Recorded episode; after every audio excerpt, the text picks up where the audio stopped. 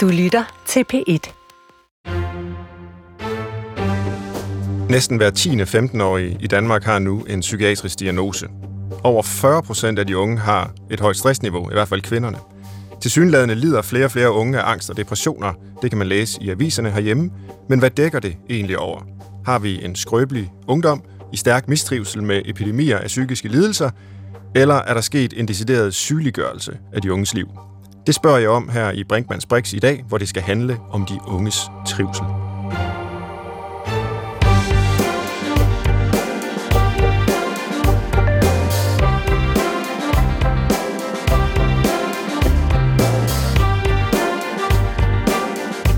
Som professor i psykologi undersøger Svend Brinkmann, hvorfor vi mennesker handler, som vi gør. Her i programmet har han ikke mennesker på briksen, men tendenser i samfundet, sindet og menneskelivet. Man siger, at psykologi er videnskaben om det, som alle ved i forvejen, men sagt på en måde, som ingen forstår. I Brinkmans Brix er målet at sige noget, som ingen har tænkt på før, på en måde, som alle kan forstå. I år er det 25 år siden, at jeg blev student fra gymnasiet, og jeg husker gymnasietiden som spændende, men også til tider travl, især i eksamensperioderne. I dag der sidder jeg i bestyrelsen på mit gamle gymnasium og kan se på de unge, og de ser ud til at være både dygtigere og mere pligtopfyldende og mere hårdt arbejdende, end vi var, end jeg var. De ryger og drikker mindre, de får højere karakterer og ligner generelt menneskelige pragteksemplarer. Men de skærer også mere i sig selv. Nogle er kottere, de går mere til psykolog, de tager mere antidepressiv medicin, end vi gjorde. De har flere diagnoser, så hvad i alverden er der dog sket med vores unge? Det skal vi undersøge i dag her i Brinkmanns Brix, og til at hjælpe mig med det, der har jeg inviteret to gæster. Den ene er Nomi Katz Nielsen, som er centerleder, forskningsleder, professor på Center for Ungdomsforskning under Aalborg Universitet. Velkommen til, Nomi. Tak skal du have. Og min anden gæst er Ole Jakob Madsen, som er professor ved Psykologisk Institut på Universitetet i Oslo. Og du taler jo altså norsk, Ole Jakob, men et meget øh, forståeligt og tydeligt norsk. Og så er du forfatter til en glimrende bog fra sidste år med titlen Generation Præstation. Hvad dækker det egentlig over? For det er ikke sådan et øh, ordvalg, vi bruger så ofte i Danmark. Metaforen stammer nok fra ideen om præstationssamfundet, som jeg tror dere har også her i Danmark. Ja. Ikke sant? At det er liksom en um, ungdomsgenerasjon som har internalisert disse idealene om at man må eh, prestere for å på en måte være attraktiv på arbeidsmarkedet, men også attraktiv for andre, og at for noen så kan det kanskje gå så langt at de føler at selvaksept og menneskeverd og sånne ting da, er knyttet opp til hvorvidt de er liksom attraktive i dette prestasjonssamfunnet. Eh, Og vi kan åbne det begreb meget mere op øh, i løbet af, af samtalen her. Nomi, øh, er det et begreb, der lige så vel kunne karakterisere danske unge? Mm, Jamen, det er det. Øh, det. Det mener jeg godt, øh, vi kan tillade os at sige, at vi er nået et eller andet punkt, hvor øh, man kan sige, blikket på præst- præstation er jo også sådan, at, øh, at præstation er jo på alle mulige måder et, et, et vilkår for os alle sammen, og noget, der altid har været. Så det er nok der, hvor det tipper over og bliver noget, der pludselig bliver karakteristiserende, altså øh, et karakteristikum for en hel generation. Det er jo der, øh, der er et spørgsmål om en afvejning. Hvad er det? Altså, hvor omfattende er det her, og hvor meget fylder det, ikke? Øhm, og der synes jeg, øh, altså jeg tror, jeg vil tage den lidt hjem der på min banehalvdel, som er uddannelsesforskningen, mm. øh, og sige, at jeg synes øh, godt, jeg tør våge den påstand, at det vi har fået i vores uddannelsessystem, øh, det er en, øh, at, at præstations kulturen, eller den dimension af skole, som altid har været der, at den er blevet større i dag, og den er også blevet så stor, at vi kan tale om en, en, en kultur. Øhm, men også det være sagt, at, øh, at, øh, at det ikke kun er noget, der sker i uddannelsessystemet. Ja, man kan Men, sige, øh, hvis det kun var i uddannelsessystemet, at øh, generationen skulle præstere, og så de i øvrigt kunne øh, holde fri og præcis. spille tiden med alle mulige fjollerier. Øh, derudover, så var det måske ikke det store problem. Men, øh, men det er jo et mere altomfattende begreb, og øh, det, det skal vi jo netop undersøge i forskellige rum Mm. øh, her i Brinkmanns Brix. Øh, vi begynder hos psykologen, øh, sådan metaforisk sagt, hvor vi skal tage fat på nogle af de mange statistikker, jeg nævnte selv, nogle af dem, der foreligger om øh, unges øh, diagnoser, trivsel og mistrivsel osv. Og så skal vi til uddannelsessystemet, ind i den sektor, øh, som du ved en masse om, Nomi. Og så slutter vi med et øh, historisk vy øh, hen over, øh, hvordan ungdomsårene er blevet opfattet, hvornår er ungdommen overhovedet opstået, og øh, er de problematikker, vi diskuterer nu, nogen, der knytter sig specifikt til vores tid, eller er det nogen, man måske altid har været bekymret for?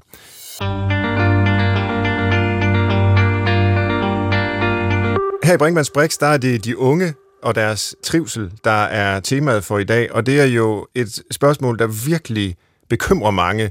Jeg har selv øh, skrevet bøger om samfundsudviklingen og øh, problematiseret nogle af de mange diagnoser, der bliver stillet. Jeg får utrolig ofte mails, henvendelser fra folk, forældre til børn og unge, som er bekymret for deres afkoms øh, trivsel, som siger til mig, jamen, øh, jeg elsker mit barn, jeg siger til mit barn, øh, at du ikke kun god nok, øh, hvis du gør noget godt og får høje karakterer.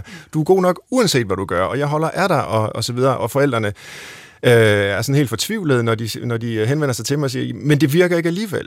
De her børn, de er åbenbart fanget i en øh, sådan øh, ond cirkel, eller en ond cyklus af, af præstation og optimering, og Øh, og så er der noget, som de ikke kan komme ud af, og som øh, skader dem rigtig meget. Og det er jo selvfølgelig en oplevelse, man kan have som forældre. Det er en oplevelse, man kan have som ung. Spørgsmålet er, hvor almen den er. Ja. En af de mange undersøgelser, jeg selv er stødt på, øh, jeg tror det var i 2018, det var en undersøgelse, hvor man havde spurgt de unge, om, øh, om de gik til psykolog. Og der viste det sig, og det er jo selvrapporteret, altså, så det er noget, de unge selv øh, siger øh, om deres liv, men næsten halvdelen af kvinderne på 19 år rapporterer, at de har gået til psykolog i den her øh, undersøgelse, eller været til psykolog. Øh, og det, det lyder jo i mine ører som et ekstremt højt tal, som jo umiddelbart kunne give anledning til nærmest panik. Jeg vil sige, vi har et, et samfund, der åbenbart gør, at halvdelen af de unge kvinder må gå til psykolog. Øhm, når du læser sådan nogle øh, tal, eller hører om dem, Nomi, hvad, tænker du så om dem fra dit øh, ungdomsforskningsperspektiv? Jeg tænker i hvert fald meget det samme, som jeg kan læse Piste, du også skriver og tænker. Øh, fordi øh, altså det rejser i hvert fald også et, et forskningsspørgsmål i første omgang, som hvordan skal vi egentlig læse det her? Hvad er det et udtryk for? Ja. Altså fordi, øh, og det er jo også noget, det Svend, du er inde på, det der med, at det er jo også fordi, der er blevet et, et sprog tilgængeligt for de unge, øh, som er et sprog, der handler om, at man kigger indad, sætter ord på alt, hvad man mærker indeni. Og det er jo et psykologisk sprog, øh, der er tale om her. Øh, jeg var lige ude med nogle kollegaer, fordi vi er i gang med en undersøgelse i virkeligheden om det, vi kalder ny udsathed, som er en del af det her fænomen. Og der øh, havde vi sådan et unge panel øh, her i sidste uge, og, øh, og det var også unge, som har socialt belastet baggrunden, der sad. Det var sådan en blandet øh, landhandel. Og, øh, og i virkeligheden beskriver de jo nogle ting, som rammer dem alle sammen, uanset hvad for en social baggrund de har. Så jeg tror faktisk, der er nogle strukturelle ting, nogle kulturelle ting, vi har brug for at identificere, som godt kan ramme forskelligt ned i forskellige unges liv, afhængig af, hvad de har med sig øh, for nogle typer af, af støttemuligheder hjemmefra osv. Men, øh, men, øh, men der faktisk er nogle ting, som går på tværs. Altså der er på en måde sket en, en demokratisering af nogle ting, øh, og et pres på ungdomslivet, som rammer alle.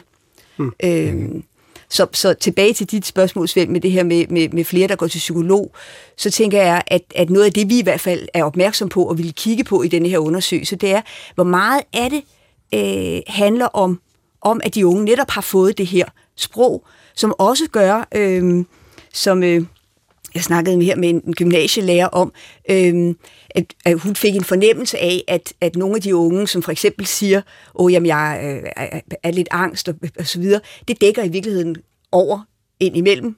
Fik hun en fornemmelse af, jamen, i virkeligheden kan jeg ikke forstå det, der foregår.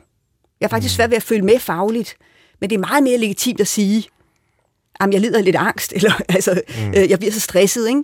Altså, så det er jo et sprog, der også faktisk kan bruges, og nu, nu er det ikke for øh, øh, at, at sige, at der ikke er nogen unge, der ikke har det reelt som problem osv. Det er ikke på den måde, men, men, men det er klart, at når det fylder så meget, så, øh, så bliver det også noget, man kan bruge. Og med alt, med alt det sagt, øh, at vi har brug for at undersøge det, så er jeg til gengæld faktisk heller ikke i tvivl om, at der er øh, kommet mere pres på ungdomslivet i dag, end hvad der tidligere har været. Øh, der er flere krav, både krav, faglige krav og sociale krav.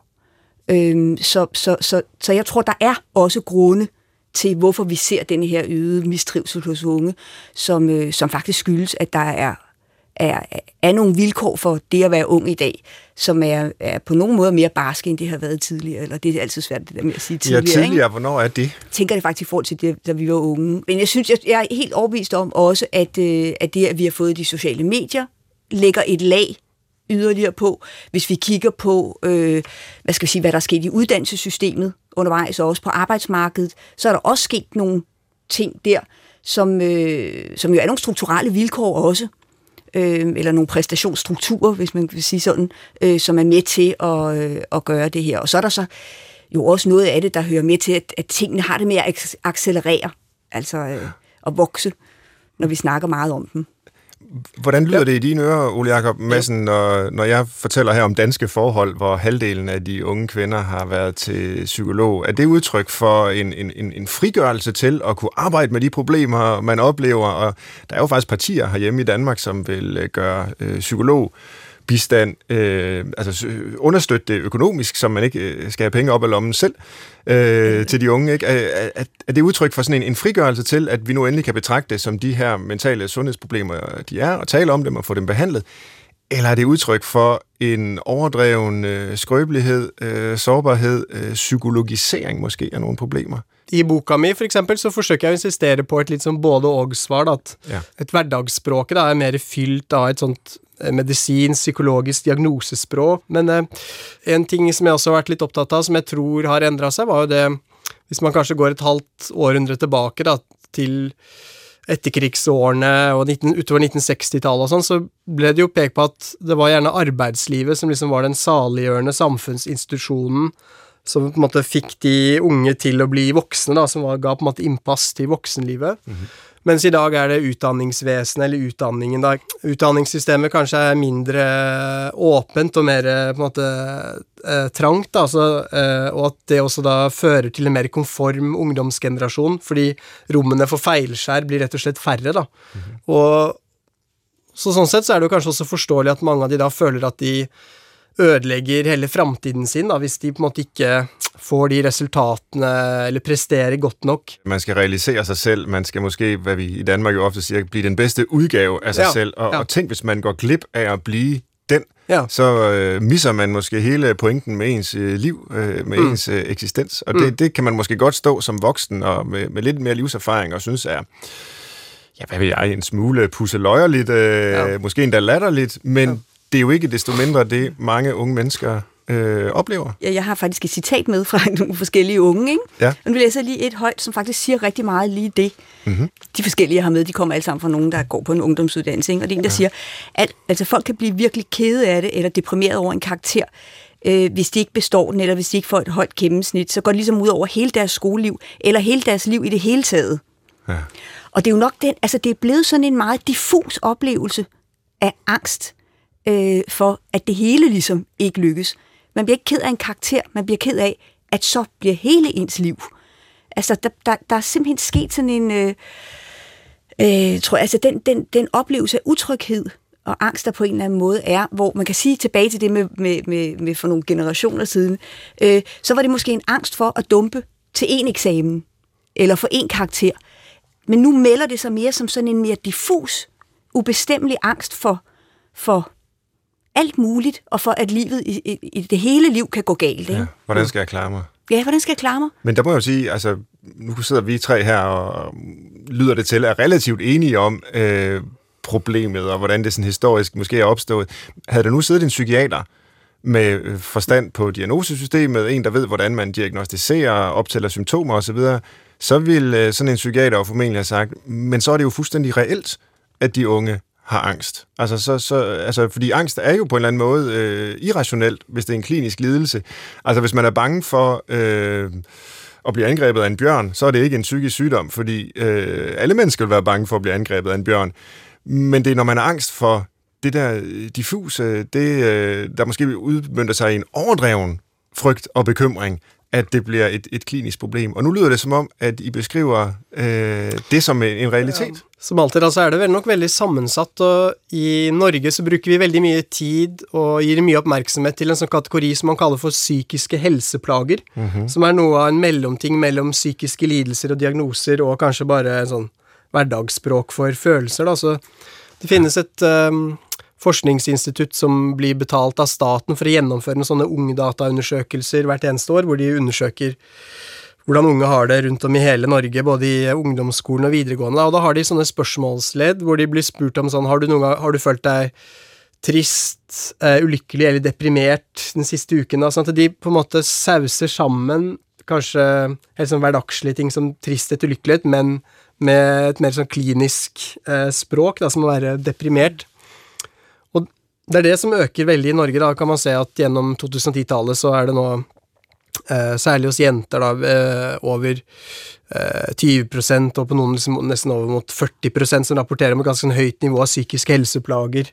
Men det er samtidig ikke psykiske lidelser, så det er ikke alvorlig nok til å kvalifisere til en, en diagnose, da. Men denne eh, forskjellen forsvinner lett når det blir gjengitt i mediet, når man har på en måte det kommer sånne allmenne debatter og bekymringer om hvordan de unge egentlig har det. da, så um, så man kan jo bli liksom usikker, for hvis man ser mer på sånne målinger i Norge på om psykiske lidelser de eh, har økt, altså så er det ikke så lett å finne det samme svaret. Altså man kan se at behandling har økt, ja. særlig blant eh, unge kvinner, for psykolog, og diagnostisering har hørt, antall uføretrygdede som har diagnoser, har økt, men det er såkalte indirekte indikatorer. Altså, mm. Du har hele tiden denne liksom, litt sånn ambivalensen her som eh, som du snakker om, da, men, men, det har nok likevel skjedd noe bare på de siste årene som jeg er helt enig med deg om, da, fordi jeg kan også huske, altså selv blant doktorgrads ph.d.-kandidater, så får de nå tilbud om stressmestringskurs. Mm -hmm. uh, mens vi tok vitenskapsteori og etikk på doktorgradsutdanningen, så er det nå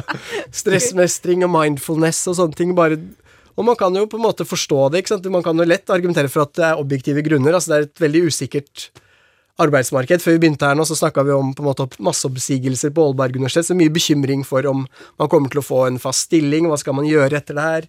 Det erhverv med, med det højeste stressniveau i Danmark, det er forskere faktisk. Ja. Forskere er de allermest stressede blandt alle professioner, med læger lige under, og, mm. og psykologer. Jeg er jo så både psykolog og forsker, mm. øh, ligesom dig, Ole Jacob, så vi, vi har virkelig okay. et problem der.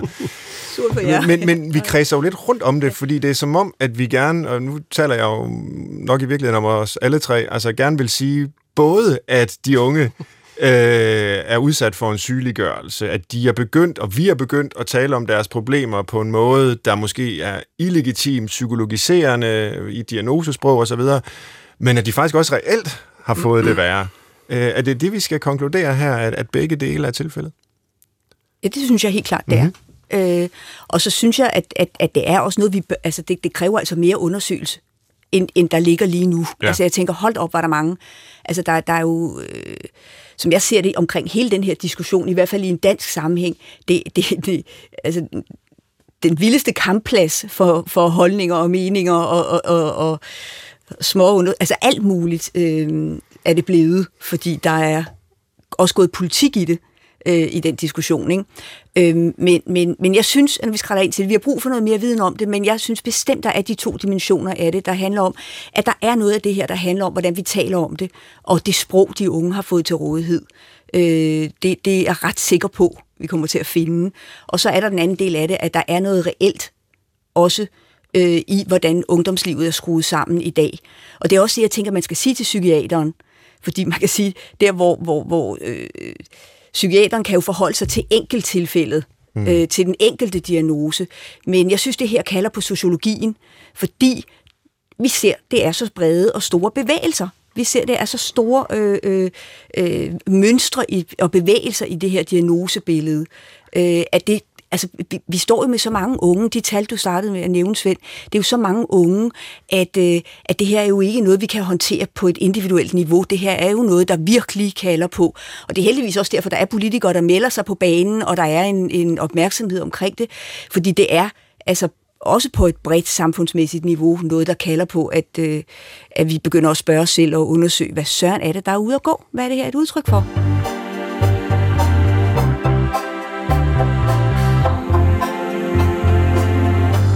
Lytter til Brinkmanns Brix, hvor vi i dag øh, undersøger unges trivsel, og øh, det gør vi med øh, Nomi Katz Nielsen, som er ungdomsforsker fra Aalborg Universitet, og Ole Jakob Madsen, som er øh, professor i psykologi på Universitetet i Oslo.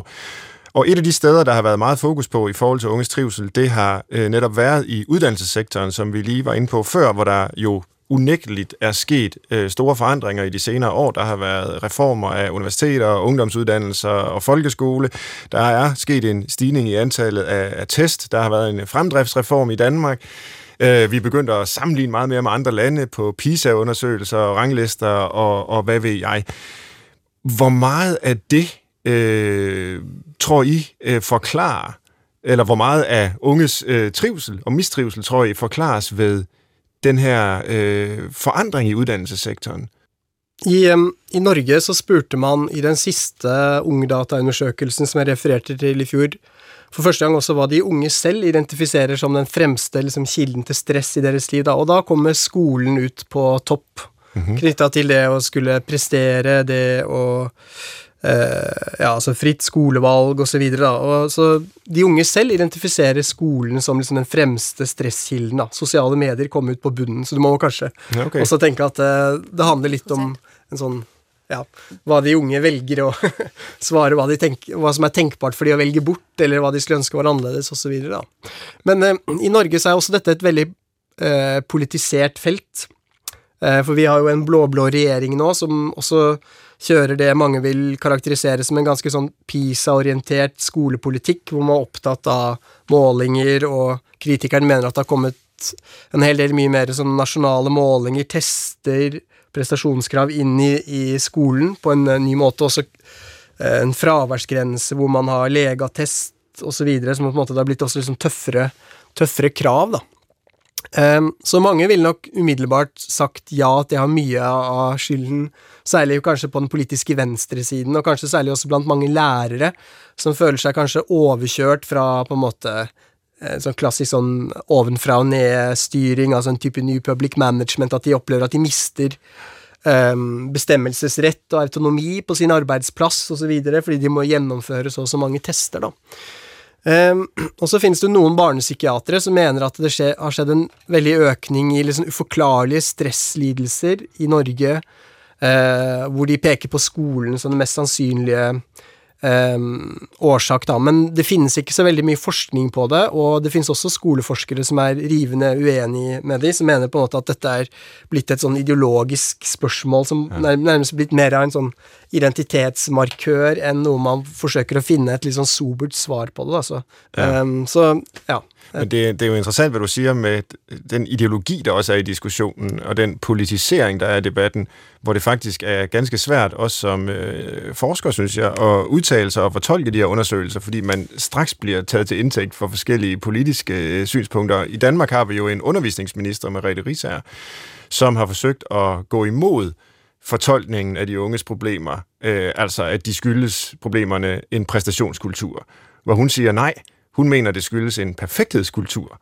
Altså, det er ikke øh, skadeligt at, at blive øh, afkrævet præstationer og sådan noget. Det er unge altid blevet.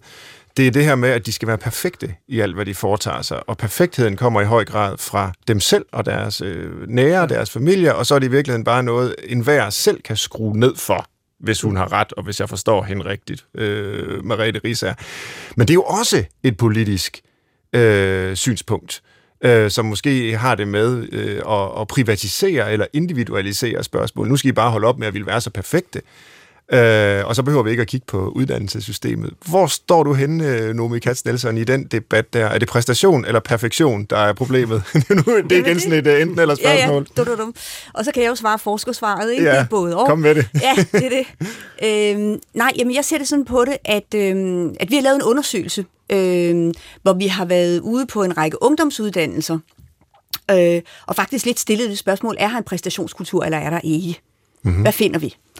Øhm, og det, øhm, og det, hvis jeg lige jeg spoler lige lidt tilbage, ja. inden jeg kommer til den, fordi øhm, det, der, det, det, vi tager udgangspunkt i, det er, at vores uddannelsessystem ligesom altid har stået på to ben.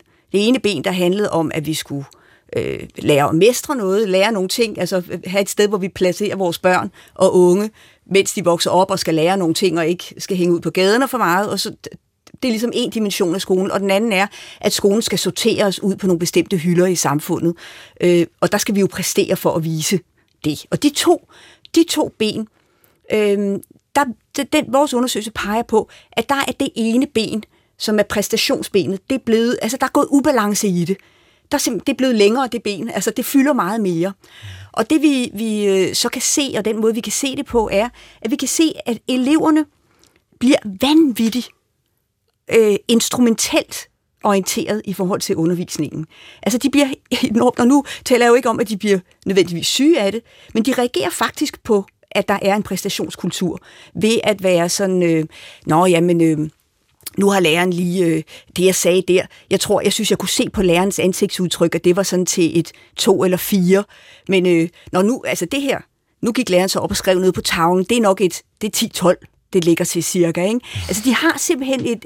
Øh, øh, øh, og de gør det op i... Øh, ah, men læreren siger også, at øh, jeg skal række fingrene op to gange hver time, øh, fordi så vil jeg kunne få en bedre karakter. Ikke? Så de om...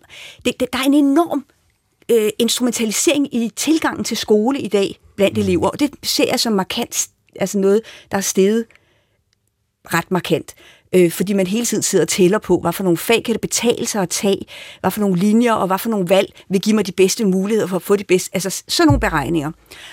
Øhm, og det, det øh, fører mig så hen til at sige, at det er der jo nogen, øh, altså det enorme instrumentelle fokus, det er et problem for den læringskultur, vi har på skolen. Så uanset om Mariette Risse har ret i, at præstationskulturen ikke skaber mistrivsel, så mener jeg stadigvæk, det er en undervisningsministers opgave at kigge på, øh, hvad det er for en læringskultur, vi får.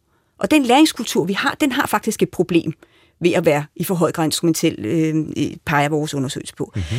Det, er sådan, det er den ene del af det. Den anden del af det, jeg vil sige, det er, at der, hvor Merete Risager har en pointe, det er, at når vi ser på hvad, at, at præstationsorientering i skolen, så har den to dimensioner. Der kan være en offensiv præstationsorientering, som er der, hvor vi gerne vil gøre os umage. Øh, ah, jeg tror, hvis jeg lægger lidt mere i det, så kan jeg få en højere karakter. Altså, som i virkeligheden er en rigtig fin ting, vi alle sammen har.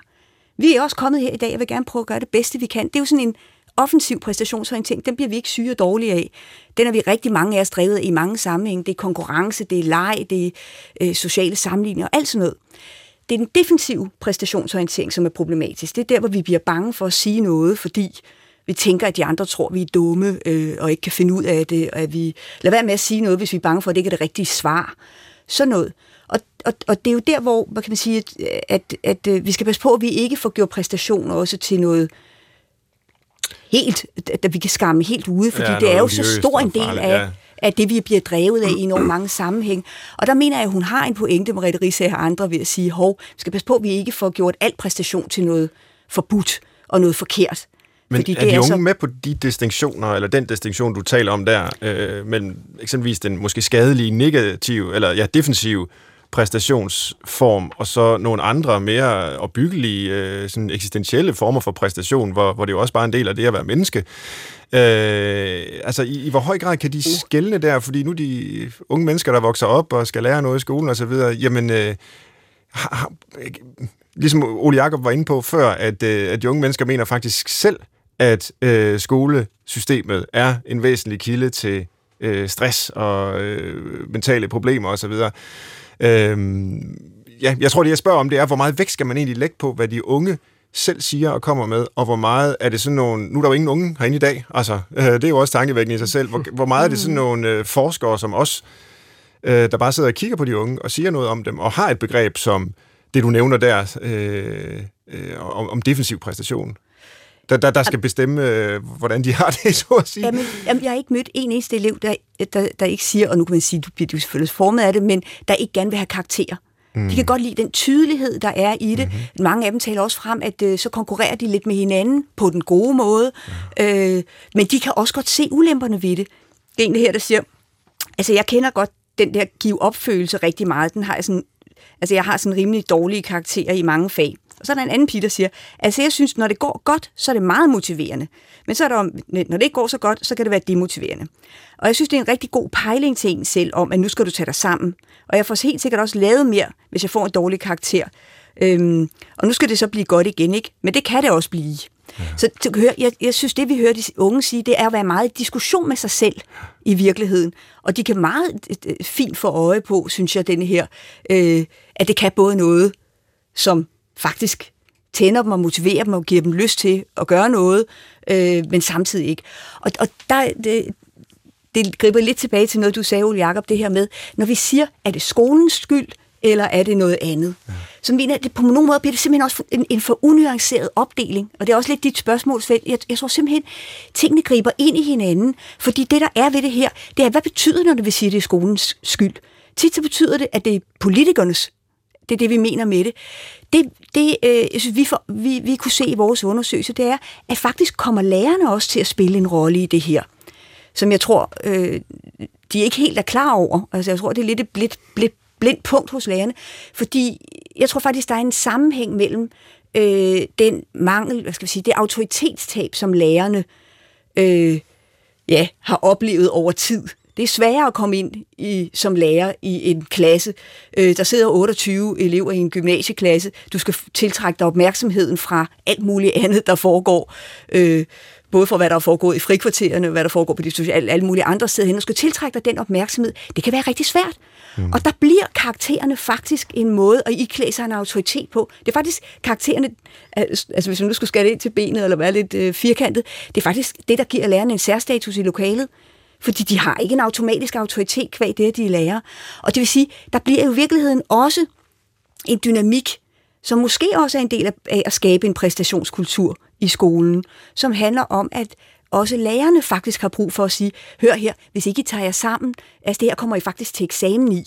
Ja. Det virker jo, altså det er jo et, et, et, et, øh, et præstationsboost sådan her, ikke? Altså du får eleverne straks til at gibe lidt og tænke, uha, ikke? Ja, de men har ikke selvfølgelig... spanskrør den slags længere, men de har truslen om eksamen. Jamen det er da det, de har. Der tegner sig jo et mere og mere øh, komplekst billede af den her ungdomsgeneration. Øh, og jeg har lagt lidt op til sådan nogle enten eller svar med mine øh, spørgsmål, og nu viser det sig, at de unge er måske klogere på sig selv end som så, og, og, og I forskere, der arbejder med det, er klogere på dem end som så. Så måske skal vi forløbig konkludere, at, at vi skal passe på med de der meget forenklede, sort-hvide generaliseringer om sådan en ungdomsgeneration, som jo er helt øh, mangfoldig og øh, ja, har problemer, der kan fortolkes på alle mulige forskellige måder.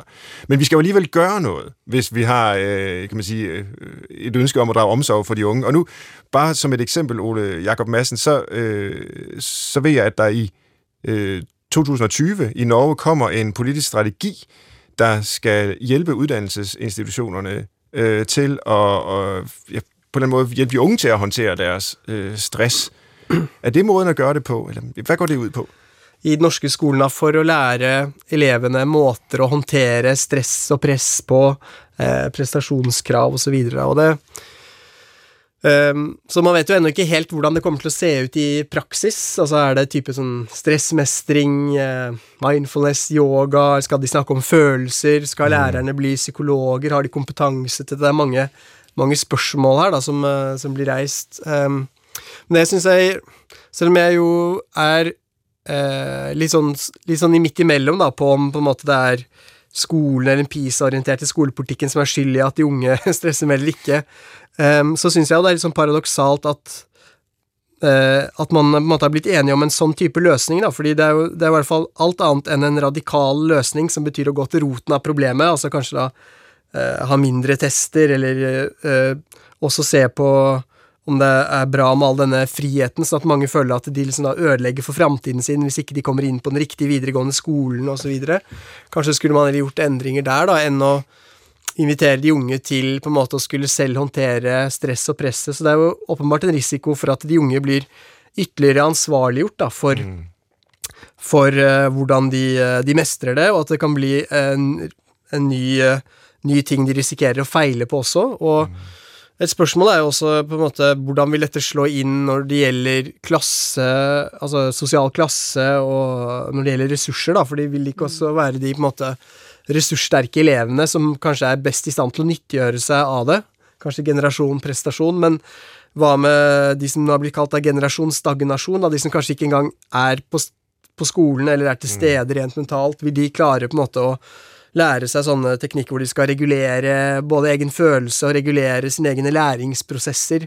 Så dette med selvregulering og metakognisjon er liksom blitt sånne psykologiske buzzwords da, fra læringspsykologien som har blitt trukket fram i den norske debatten av pedagoger, eh, men de henter psykologiske begreper fra mm, selvkontrollforskningen tilbake til Walter Michelle og marshmallow-eksperimentet som du kjenner til, da, hvor jeg tenker at det åpenbart har en Eh, individuell slagside. At man selger tilbake på en måte hvem som blir tapere og vinnere ut fra hvor flinke de har vært til å regulere seg. Um, og man kan i, i Danmark, hvis vi nu, øh, ja, vi skal snart forlade uddannelsessektoren, men alligevel lige lave en kobling øh, til hele den statslige styring af de unges liv på det området, område, så har vi jo i Danmark gennem et årti nu talt om konkurrencestaten øh, som er sige, den moderne udgave af velfærdsstaten. Og en definition på konkurrencestaten, det er, at det er en statslig styring, der ikke i så høj en grad kompenserer for borgernes uformåen. Altså hvis et barn har problemer, så kompenserer staten. Den har nogle hjælpeforanstaltninger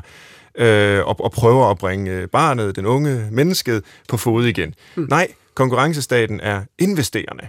Det vil sige, at den øh, før problemet opstår, lærer den unge stresshåndteringsteknikker, mindfulness, øh, hvad det nu end måtte være, øh, investerer i den unges øh, personlighed og dulighed, og så skal den unge så også i højere grad, eller mennesket, det er jo ikke bare de unge, skal i højere grad end før klare sig selv. Altså, øh, og, og, og kritikerne af det, hvor, hvor jeg jo har været en, øh, vil jo sige, at jamen, det er jo egentlig bare at individualisere problemet. Og hvad med alle dem, som ikke kan øh, ja. klare det, så ja. at sige. Altså, øh, jamen, de var så ikke øh, mindful nok, øh, de var ikke godt nok i stand til at regulere deres øh, følelser, de var ikke i stand til at bruge de her stresshåndteringsværktøjer. Øh, så så der skal vi måske, øh, og det læser jeg også ud af din øh, bog, Ole Jacob Madsen om generation præstation, være varsom med ikke at psykologisere øh, og individualisere problematikken. Men hvad skal vi så? Har du svar på det, Nomi? Altså, hvordan, øh, hvis du nu blev øh, kontaktet af uddannelsesministeren, og det kan jo være en, en række andre ministre, det er jo så populært, at de sætter sig sammen og ligesom sætter fokus på et område og siger, hvordan skulle vi ændre systemet for at håndtere det her problem? Hvad vil du så svare? Øhm, jeg vil, tror, jeg vil svare i forlængelse af det, som du opsummerede lige før med, at det her, det er super komplekst. Så det er jo, altså, øh, det er altså en række forskellige ting, man skal gøre. Så jeg tror, jeg vil sætte mig ned og, og prøve at lave en systematik, ja. øh, som sikrede sig, at man både arbejdede strukturelt, institutionelt, og så også på et eller andet individuelt, øh, eller, eller nogle uformelle fællesskaber, og, og i virkeligheden også med de sociale medier, og, øhm, vi har jo diskuteret karakterskala i ja, øh, nogle uger og måneder ja. i Danmark, og nogen har sagt, at vi skal have det gamle 13-tal øh, tilbage, altså hvor man ligesom belønnede folk for at tænke ud af boksen og, og tænke vildt, frem for med den her 12-trinsskala, vi har nu, som er sådan, du, du starter med at være perfekt, og så efterhånden, som du laver fejl, så trækker vi fra når du er til eksamen. Og der vil nogen mene, at det system, vi har nu med, med, med 12-talskalaen, mm. eller 7-trins-skalaen, den har 7 trin, men det højeste øh, tal er 12, øh, at, at det, det faktisk inviterer til, til sådan en perfektheds- og præstationsorientering. Men man kunne vel lige så godt sige det omvendte, at øh, 13 skalaen der med den, ex, den øh, exceptionelle karakter øh, inviterer til det, altså den ekstraordinære præstation. Jamen, nu bare altså, lige for at slå ned på, jamen, på karakterskalaen. Det, det, det er et rigtig fint sted at slå ned, fordi det, det er også et meget godt billede på det. Men jeg er simpelthen ikke enig i, at uh, altså, der kan godt være en selvstændig problemstilling med, at man ikke har et 13-tal for mm. vist ekstra. Men jeg mener ikke, at det er manglen på 13-tal, som du siger der, der producerer nogen form for præstationskultur. Der, hvor jeg synes, der er en sammenhæng mellem vores karakterskala og præstationskultur, det er faktisk ikke i toppen, det er i midten. Aha. Øh, det, vi har kun to karakterer på midten, hvis man kan sige det sådan, fire og syv, som sådan øh, øh, det brede midt, ikke? Ja. Og, øh, og det, jeg synes, vi, vi, vi, vi ser som en del af denne her, øh, og det kunne man kalde et, eller det, det arbejder vi med som noget, vi kalder perfektionskulturen. Det er, at vi, vi, og det passer til meget det, du også snakker om, det er, at vi ser, at eleverne, øh, de unge, i stigende grad øh, enten forstår sig selv som værende nogen, der ligger i toppen, eller også ligger de i bunden. Altså, at vi faktisk har en situation, og det er det, den karakterskala understøtter, hvor normalfeltet, mm. det at være gennemsnitlig, som jo er for filen det, langt de fleste af os skal være, det er der ingen, der har lyst til at være. Nej. Altså, nu har jeg lyst til at læse et citat højt for jer. Må jeg det? Er der tid til det? ja. Og men det, det her det er en anden G-elev, der siger sådan her, og det kobler jo præcis skole og noget bredere kulturelt. Øhm, fordi den siger sådan her, Altså, hvis man ligger nede i bunden, så vil man gerne være sammen med dem, der er helt oppe i toppen. Og dem, der er oppe i toppen, de vil også gerne være sammen med dem, der er oppe i toppen. For ligesom dem, der er i bunden, gerne vil hives op, så vil dem, der er oppe i toppen, ikke hives ned. så det bliver sådan et meget... Altså, ja, og det, jeg synes, der faktisk er interessant ved det her, det er, at der på nogle måder er en... Øh, altså, vi har toppen, dem er vi interesseret i. Vi er interesseret i vinderne. Og det er jo noget, som man kan sige, det er jo nogle positioner, som bliver talt frem, også over i, i, øh, i øh, hvad hedder det, alle mulige andre steder i vores altså X-Factor-programmer, bagedyster, altså, og vi, det, vi, kulturelt bliver vi stopfodret med den her figur om top og bund. Mm.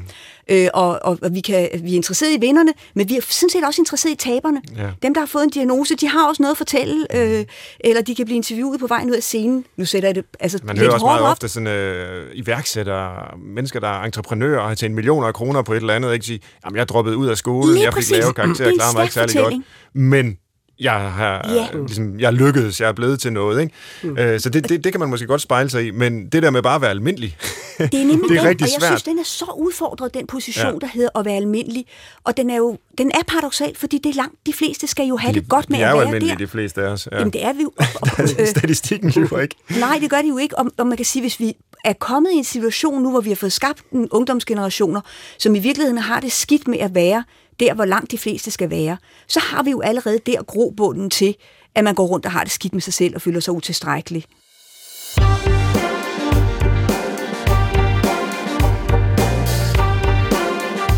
Her i Brinkmanns Brix i dag, der diskuterer vi og undersøger øh, unges øh, trivsel, hvordan de unge går har det, og hvorfor de ser ud til at have det ganske skidt, mange af dem. Og Ole Jakob Madsen, som er professor på Universitetet i Oslo, er med os, og Nomi Katznelson, som er ungdomsforsker og tilknyttet Aalborg Universitet, er det også. Og vi skal øh, slutte af efterhånden med øh, sådan et historisk vy, øh, fordi for at løse problemerne med unges trivsel i den udstrækning, de har dem, så er det jo godt at bringe sig på historisk afstand af nutiden, og forstå, at det engang har været anderledes. Så forstår man jo samtidig, at det igen kan blive anderledes.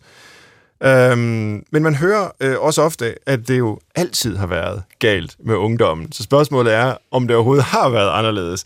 Og der er tit sådan et falsk Sokrates-citat, der bliver hævet frem. Øh, og nu vil jeg en gang for alle øh, slå fast, at det er et falsum. Sokrates har aldrig sagt det, men jeg har ikke et tal på, hvor mange gange jeg har været ude og altså, blevet præsenteret for det her citat. Og, og det sagde Sokrates jo, og se, der er ikke sket en pind siden de gamle grækere. Og det, han bliver tillagt, det er, at han sagde, og det gjorde han så ikke. Men vores dages ungdom elsker luksus, den har dårlige manerer, foragter autoritet, har ingen respekt for ældre mennesker og snakker, når den skulle arbejde. De unge rejser sig ikke længere op, når de ældre kommer ind i et værelse. Den modsiger, altså ungdommen, deres forældre, skryder op i selskaber, sluger desserten ved spisebordet, lægger benene over kors og tyranniserer lærerne. Det bliver brugt til, at man siger, jamen ungdommen har altid været problematisk. Hold nu op med at bekymre jer sådan. Det, det, det er bare noget, der hører den epoke i, i livet til. Men han har aldrig sagt det. Og, og vi er egentlig tilbage ved spørgsmålet, øh, som vi har diskuteret øh, på forskellige måder udsendelsen igennem. Hvor meget er egentlig forandret? Og øh, jeg ved ikke, øh, Nomi, om en ungdomsforsker, som du jo er, kan trække en historisk linje op for os. Hvornår begyndte man overhovedet at tale om en ungdomsgeneration øh, eller en ungdomskultur? Mm. Fordi det har man vel ikke altid gjort? Det har man nemlig ikke. Øh, så det er den historiske begrundelse for, hvorfor han aldrig ville kunne have sagt sådan. Ja, for ungdommen eksisterede Den eksisterede ikke. simpelthen ikke, nej. øh, man kan sige på den måde, at, at der har altid været en barndom, og der har altid været en voksendom. Men ungdommen som livsfase er en, vi ser komme øh, faktisk i starten, da vi forlader øh, 1700-tallet, sådan feudal, middelalderlig feudal samfund, det er jo sådan nogle meget glidende overgange selvfølgelig, men, men øh, så begynder samfundsudviklingen at kalde på, og især i byerne, øh, at kalde på en anden form for socialisering øh, at man skulle kunne noget mere. Og der begynder at kile sig et begyndende begreb om ungdom og en begyndende fase som ungdom. Men vi kan helt op i 1900-tallet, så har vi øh, øh, store dele af verden, hvor der stadigvæk ikke er en ungdom. Mm. Altså hvor der er barndom og voksendom. Så er der, og så er der en overgangsrite. Ja, lige præcis. Det kan være konfirmationen ja. eller sådan noget. Ikke? Så er man fra den ene dag til den anden voksen. Jamen det er nemlig det. Ja. Og der sker jo så det øh, øh, her i de altså siden øh, for efterkrigstiden i virkeligheden, så eksploderer den fase, vi i dag kan kalde ungdom, og den vokser jo så helt enormt øh, ekspansivt. Øh, gå fra, at vi begynder at snakke om øh, sådan, altså, skal sige, egentlig ungdomskulturfænomener, kommer i, i 50-60'erne. Vi begynder, altså ungdomsforskningen er i virkeligheden jo også et nyt fænomen øh, til forskel fra barndomsforskningen, og det, det var altid en lillebror til det, men lad os nu se om nogle år, om ikke øh, ungdomsforskning også er ekspansiv. Altså, der, ja. der sker jo nogle forskydninger der, og der, øh, øh, der sker jo også det op i nyere tid her, at ungdommen, i, i og med, at det begynder at blive en livsfase, som jo har været meget koblet op på øh, den socialisering og det behov, der har været for uddannelse øh, og arbejdsmarkedets behov for en mere uddannet arbejdskraft. Det har jo været, udviklingen af ungdomsfasen har været meget hvad skal vi sige, kroget op på det. Men der begynder så også at komme noget mere til, op gennem 60'erne, 70'erne, og så tager det for alvor fart øh, senere også, det er kommercialiseringen af ungdomsfasen. Mm. Og det jo lige pludselig også bliver en forbrugergruppe, øh, hvor der er mange kommersielle interesser, og mm. så tager ungdomsfasen yderligere fart. I starten skulle, de, skulle man bare sælge stimorol til unge, men nu er det jo altså eksploderet. Og nu, øh, altså som jeg ser det i dag, og det, det øh, vi er i gang med at undersøge, skal vi sige, er det så bare ungdom, bliver barndommen bare kortere og kortere? er det bare et spørgsmål om tid, inden at øh, man på øh, gyngestativet i indskolingen, der sidder man så og hænger ud med sin musik, mere end man gynger. Er det bare et spørgsmål om tid, inden vi er der? Og, øh, og, og æder ungdom så også ind på, de, på, på voksenårene? Øhm, Ja, nogen taler om sådan ja. den, den, den livslange ungdom, eller det livslange ja. moratorium. Det er jo et begreb fra Erik Eriksson, en berømte udviklingspsykolog, der mente, at der knyttede sig sådan et moratorium til ungdomstiden, hvor man ligesom skulle finde sin identitet, som så blev fastlagt, efter at man havde eksperimenteret med forskellige udkast til, hvem kunne jeg være, hvad kan jeg blive, hvad er jeg for en, og så vælger man det, eller ligesom falder til rette i en rolle, og så er man det resten af livet. Og der er jo mange i dag, der vil sige, jamen det der øh, identitetseksperiment, det kan du lave hele livet. Og hvis det er rigtigt, jamen, så bliver ungdommen jo lige pludselig øh, øh, livslang, og man kan jo også, øh, uden at skulle pege fingre af folk, se det på den måde. Jeg er bare sådan en som jeg. Jeg har gummisko på, så, eller sneakers, har jeg fået at vide, de hedder. Øh, selvom jeg er en 43-årig mand, ikke, så, så går jeg klædt ligesom en, en dreng på 16 år. Ja, og, og jeg, jeg, jeg tror simpelthen, altså på den måde er der nogle ting, der går i opløsning. Altså det har du jo skrevet og sagt masser om også, det her med, at vi alle sammen skal være i konstant udvikling, og mange af de ting, vi egentlig hæftede på som definitioner af ungdom, det, det er altså gældende indtil du øh, på et eller andet tidspunkt lander på et hospice. Ikke? Altså, du kan simpelthen ikke tillade dig at give slip, fordi så er du færdig. Ikke? Mm. Men det, der er interessant, det er, at vi kan se blandt de unge, øh, det er, at de faktisk jeg, jeg synes, der er, er kunne ane en tendens til, at de faktisk griber efter en voksendom tidligere. Så det bliver din generation og min generation og vores generation her, der, der gerne vil holde os unge længe, hvor der er nogle unge, Vi er der faktisk unge. er noget helt... Det, de er faktisk også optaget af at gå ud, øh, ikke være under uddannelse for længe, de vil gerne ud og bruge det til noget. Altså, hvorfor skal jeg lave en webshop i skolen, og jeg kan gå ud og tjene penge på den ved og det kan man sige, hvis og... det er så utrolig hårdt at være ung, det er så stressende, at de får så mange diagnoser, hvorfor pokker er, er det så noget, folk vil stræbe efter at forblive? Jamen, nogle af de, altså det vi kan høre nogle af de unge øh, tale frem nu, det er, at det der tidligere var uddannelsessystemets privilegie, nemlig at der var højt til loftet, og man kunne udvikle sig længe. Og arbejdsmarkedet, det var rigtig hårdt, når man kom derud. Den fortælling, den er vendt rundt de senere mm. år. Så nu er der virkelig lavt til loftet i uddannelsessystemet, og der er pres på, men de taler faktisk både markedet og arbejdsmarkedet frem som noget. Altså, de, de, de, der er mange unge, der, der ikke lige får øje på det prekære. Mm. Øh, altså, taler det frem som et sted, hvor der skal man bare ud, fordi der er i hvert fald højere til loftet. Mm. Det, det, er jo flere også som snakker om at uh, altså man får sånne utgaver det man kaller for liksom barnevoksne. Som yeah. du sier, at liksom Petter Pan-syndrom, eller sånn som aldri vil, vil vokse opp. og um, man kan jo tenke at det handler, handler, om det. Den norske sosiologen Willy Pedersen har også mener at dette problemet er særlig markant også blant ungdomsforskerne. Og visstnok særlig blant de danske ungdomsforskerne, skriver han. det var på 1990-tallet, så det var kanskje før uh, Men uh, man kan jo på en måte se det noen ganger også, hvis man ser sånn uh, for eksempel sånn eldre menn Det var en periode hvor det var veldig populært med sånn eldre menn å ha sånne røde bukser. Så hvor de ser liksom sånn der, på en måte liksom desperat trendy ut, hvor man forsøker liksom å, å kle seg på en måte som egentlig ikke passer til uh, til, til alderen. da. Men til det, det falske Sokrates-sitatet, som jeg har funnet uh, har begynt, begynt, å sirkulere i norske aviser allerede på 1940-tallet. Ja. Um, så det er jo blitt uh, brukt veldig mange ganger, men det er jo interessant, da, som jeg forsøker også å poengtere i boka, at på den ene siden så handler det kanskje om det her at enhver generasjon tror det neste generasjon blir den siste, altså at det alltid ligger en sånn dynamikk, da, at man eh, Eh, bekymrer seg for hvordan det skal gå med neste generasjonen. Men tradisjonelt sett så tenker jeg, så kan det se ut som at det ofte handla om en form for sånn moralsk fordømmelse, altså moralsk fordømme de unge, mens i dag har vi mer en sånn terapeutisk bekymring. Sånn, hvordan går det egentlig med deg, vennen? Man vil helst være venn med barna sine, være mest mulig liksom på, på parti med dem. Hvordan har du det egentlig? Og sånn at de tingene også glir mer over i hverandre, og kanskje er det mange unge savner også, da, er paradoksalt nok kanskje en tydeligere kontrast da, mellom de selv og de voksne. Mm. Uh, at det er paradoksalt nok kanskje noe terapeutisk usunt uh, ved denne eh, veldig empatisk innlevelsen, da, for de ser også da at de voksne er, er bekymra, på en måte, og kanskje også blir da selv mer bekymra for, for seg selv. Altså, vi er, vi er generasjon prestasjon. Ja. um, Så ja. at, at, vil du så mene med det, du siger der, at det vil være fordelagtigt, det vil være godt at gå tilbage til sådan en mere kan man sige, striks, moralsk Kanskje forholden ikke- til de unge, og lidt væk fra den terapeutiske? Kanskje litt, og kanskje også liksom eh, slå et slag for å være uinteressert i de unge, uansett hvor upsykologisk eller uterapeutisk det kan høres ut. da. Altså Jeg mener ikke sånn at man bare skal si sånn Nei, barn, nå må dere være inne på dette rommet, nå eh, må du holde deg inn på dette mørke rommet til det blir morgen. altså sånn der. Men, men på en måte i at ehm, Altså, mm, um, Donald Winnicott snakka om dette liksom, utviklingen han kalte for det falske selve, hvor liksom de unge, hvis de gikk for mye opp i på en måte de voksnes eller omgivelsenes krav til dem, da, ikke selv fant på en måte sin autentiske stemme, eller kunne selv gi, liksom, finne svar da, på hvem de var, hva som skulle være løsningene, hvis på en måte man er for rask på der, da. Så kanskje er det liksom også noe eh, en problemstilling der som, eh, som melder seg. Selv om jeg tenker at det er en bra ting også at man er interessert i, i de unge og barn, da, for all del. Ja. Nu øh, nævnte jeg tidligere øh, nogle af de mails, øh, henvendelser og sådan lidt fortvivlede spørgsmål, jeg får fra forældre. Hvad skal vi gøre? Vores unge har det skidt.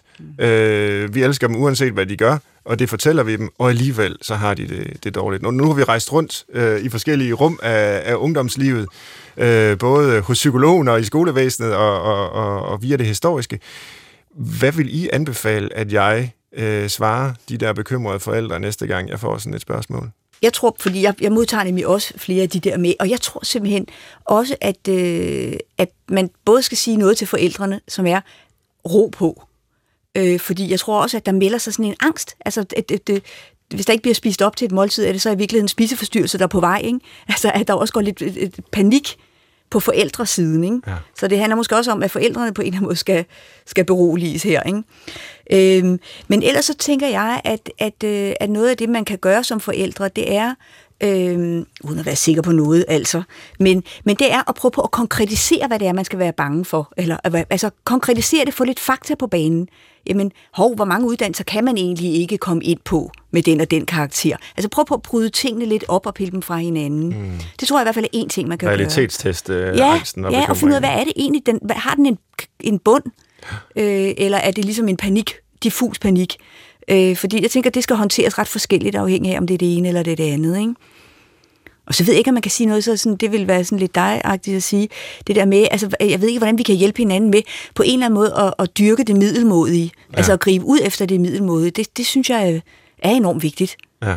At vi alle sammen gør det med, med altså forældrene kan jo også stå frem og være nogle gode eksempler ja, på den front, vi, for jeg vi tænker, kan, at forældrene er ikke en hammerslag og, og være middelmodige forældre. Ja. Og Ja, det er det. håbe, Er det ikke at, at det smitter af, og det bliver legitimt at være ganske almindelig. Ja. Hver gang jeg får sånne spørsmål om sånn ekspertråd, så pleier mitt standardsvar å være ikke hør så mye på sånne eksperter som meg, eller så, ja, stol, stol på dere selv. men- den er også god. Ja. Her til sidst i Brinkmanns Brix, der, øh, der vil jeg gerne øh, høre, om vi kan lave en liste. Øh, så der er sådan et øh, public service øh, element til lytterne. Og, og, og lad os prøve at vende den om. Fordi det, det er sådan selvhjælpsagtigt, det vil være at lave en liste med, med tre ting, folk skal gøre for at redde de unge. Men øh, nogle gange kan der være en vis øh, sådan, øh, logik i at vende det på hovedet, og i stedet for lave en liste med tre ting, man kan gøre for at stresse de unge mere. Og hvad kunne det være, der skulle stå på sådan en liste? Hvad skulle vi gøre, eller gøre mere af, for at stresse de unge endnu mere? Hvis eh, Danmark tar etter Norge og også innfører livsmestring som obligatorisk eh, Ikke bare tverrgående ene, men et fag som du får karakter i. Ja, indføre Øh. livsmestring og give karakter for det. Ja, Hvor godt de klarer å mestre stress og press. Ja. ja. Hvor god er du til at være menneske? det, det, den er skrevet ned, ja. Nomi, har du et bud?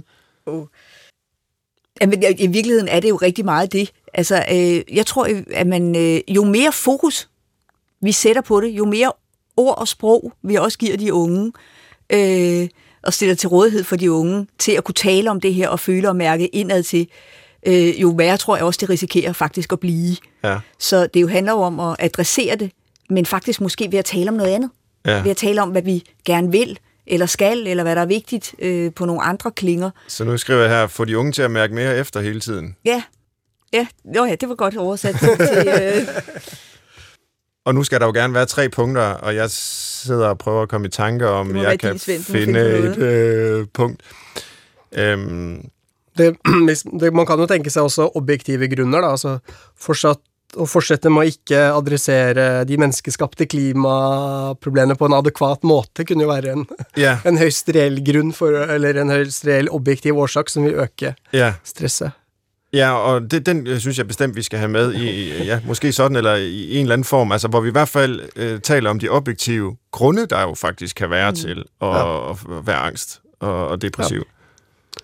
Jeg, jeg, jeg var lige ved at, at foreslå, fordi jeg synes, vi har snakket egentlig øh, ret lidt om, om, hvad det er, der sker socialt mellem og relationelt mellem de unge øh, og de sociale medier og den del af det. Og på en eller anden måde var jeg lige ved at sige, at det værste, man kunne gøre, det var at, at, at, at kile det ind i det relationelle mellem de unge, at de også blev målt og vejet der. Men det findes jo. Det findes. det ja. findes jo. Så det skal altså, vi have mere af. Ja, meget mere af det. Ja. Meget mere af det, hvor uh, uh, uh, at det bliver helt afgørende for, at du overhovedet har sociale relationer, at du er på de sociale medier og får mange likes og mange klik og sådan noget. Fordi det på en måde tænker jeg næsten ikke, man kan finde noget værre. Det er hermed noteret. Vi har listen, som skal hjælpe os alle sammen med at gøre de unge mennesker endnu mere stressede. Og det var, hvad vi nåede i Brinkmanns Brix i dag. Tak til Ole Jakob Madsen, fordi du kom fra Universitetet i Oslo og diskuterede det med os. Tak til Nomi Katznelson, øh, centerleder, øh, professor på Center for Ungdomsforskning på Aalborg Universitet. Du har lyttet til Brinkmanns Brix. Vi har en e-mailadresse, der er brinkmannsbrix, og vi har en producer, der hedder Victoria Tuveno.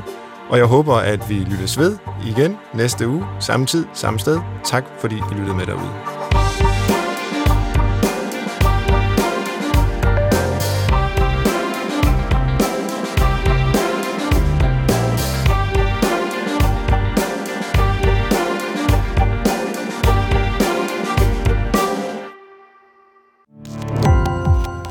Gå på opdagelse i alle DR's podcast og radioprogrammer. I appen DR Lyd.